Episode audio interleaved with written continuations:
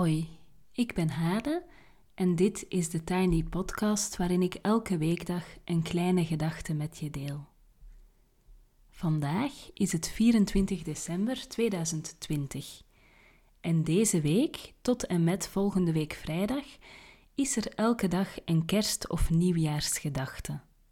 En niet van mij, maar van allerlei mensen die me een kerst- of nieuwjaarsgedachte hebben ingestuurd waarvoor veel dank. Het verhaal van vandaag is van Anjet van Lingen. Anjet is beeldhouster en leeft in den Andel, volgens zelfvoorzienende principes. Ik geniet van de beelden van horizonten en schapen die tot mij komen uit haar hoge noorden. Haar plek daar wil ook stilte en ruimte bieden voor anderen. Ik vertelde er al eerder iets over en ik zal de link ook in de show notes zetten. Anjet en ik droegen samen het stilte-traject de voorbije 24 dagen. Een traject waarin we 24 uren stilte aanreikten aan onze deelnemers. En Anjet en ik hebben wekelijks een reflectieve dialoog. Met het werk dat ik doe is het belangrijk aan mezelf te blijven werken. Het gesprek met Anjet is voor mij heel verhelderend, heel rijk, heel intens, heel omvattend. Ik heb natuurlijk, en ja, vaste luisteraars weten dat ook wel, best veel therapie en coaching en zo gehad en gedaan. Um, en ik maak zelf een beetje het onderscheid tussen zo het psychologische niveau en de laag die daaronder ligt. Het meer existentiële niveau. Um, en ik voel eigenlijk dat ik met Anjet heel erg in die laag kan werken. En dat zij daar, ja, dat zij daar heel veel in aanreikt, uh, zowel taal als inzicht als ruimte. Als je er meer over wil weten, kan je denk ik haar contacteren, maar je mag mij zeker ook uh, daar even over aanspreken.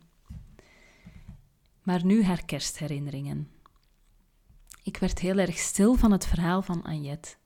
Ze neemt ons mee doorheen verschillende jaren, verschillende herinneringen, met een rode draad. Een zoektocht naar de waarde van kerst.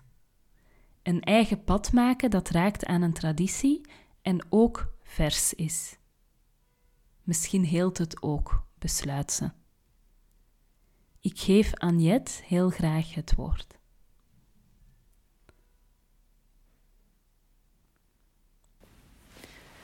Decembergevoel. Ergens midden in de jaren negentig kreeg mijn moeder een week voor kerst te horen dat ze borstkanker had. We spendeerden kerst in en om het ziekenhuis hadden stoere verhalen over dat kerst niet per se lekker eten betekent en dat een boterham met hagelslag ook goed is. We gingen wel naar de nachtdienst omdat iets van een ritme houden wel goed leek. In januari bleek dat de kanker lokaal was en na borstafzetting waarschijnlijk niet meer terug zou komen. Dat was kerst in 1995. In 1996, een week voor kerst, ging ze op controle er bleken vlekken in haar longen, uitzaaiingen die niet hadden moeten komen, maar er toch waren. Mijn ouders sloten zichzelf op.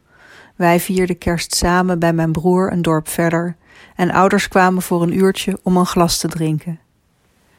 In januari startte de behandeling die redelijk aansloeg. Ondertussen verhuisden mijn ouders naar Saudi-Arabië, waar mijn vader werkte en mijn moeder tekende en schilderde en schreef, bleek later. De ontzetting, verwarring, angst over zieker worden, angst voor elkaar vonden een uitweg op papier, maar er werd niet over gepraat. Kerst 1998 ging ik, met man van toen, naar Al-Jubail. In de woestijn, ergens op een afgelegen plek, spreidden we een picknickkleedje en las mijn moeder het kerstevangelie voor. Ik realiseerde me dat dat eigenlijk veel kerstiger was dan bomen en sneeuw. De dagen in Saudi-Arabië eindigden in ruzie.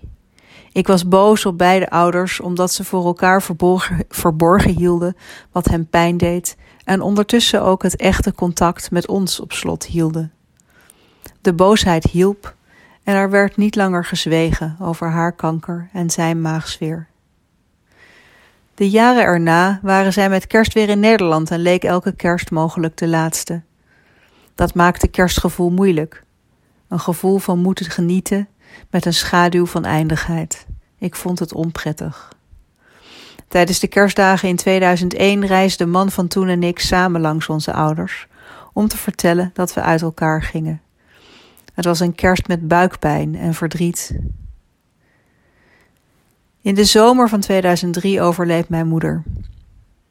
Van de eerste kerst zonder haar zijn foto's. Ik zie dappere mensen die pijn hebben, maar er moeilijk over praten. Broers die, naar ik later ontdekte, elkaar iets verweten van hoe het rond de kist was gegaan die zomer. Geen kerstverbinding. We wilden wel, maar het lukte niet, niet echt.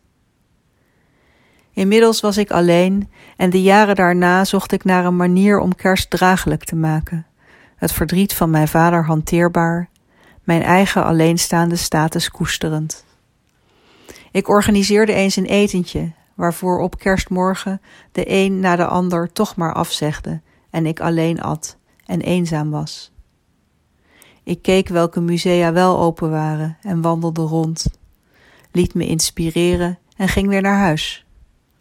Ik deed soms mee aan het briljante kerstdiner van fijne vrienden om de hoek, waar zoveel mensen van verschillende pluimage bij elkaar kwamen dat alleen zijn geen punt was.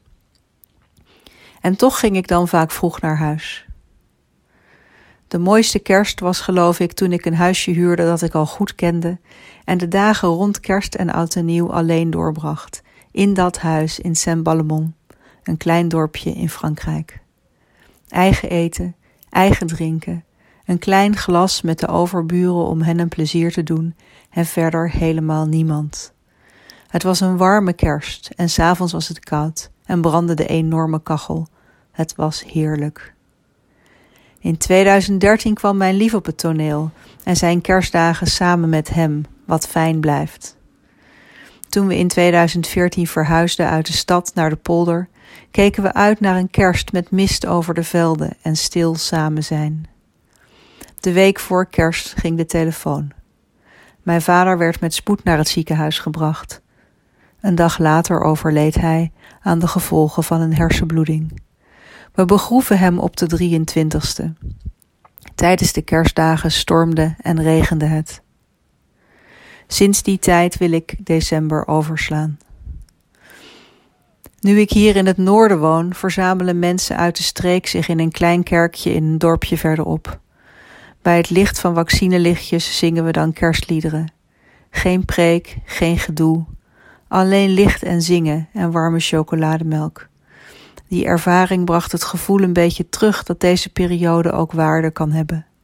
Dit jaar, de 24 uur stilte, voelt eigenlijk, realiseer ik me nu, als een nieuwe vorm vinden, een eigen pad maken, dat raakt aan een traditie en ook vers is.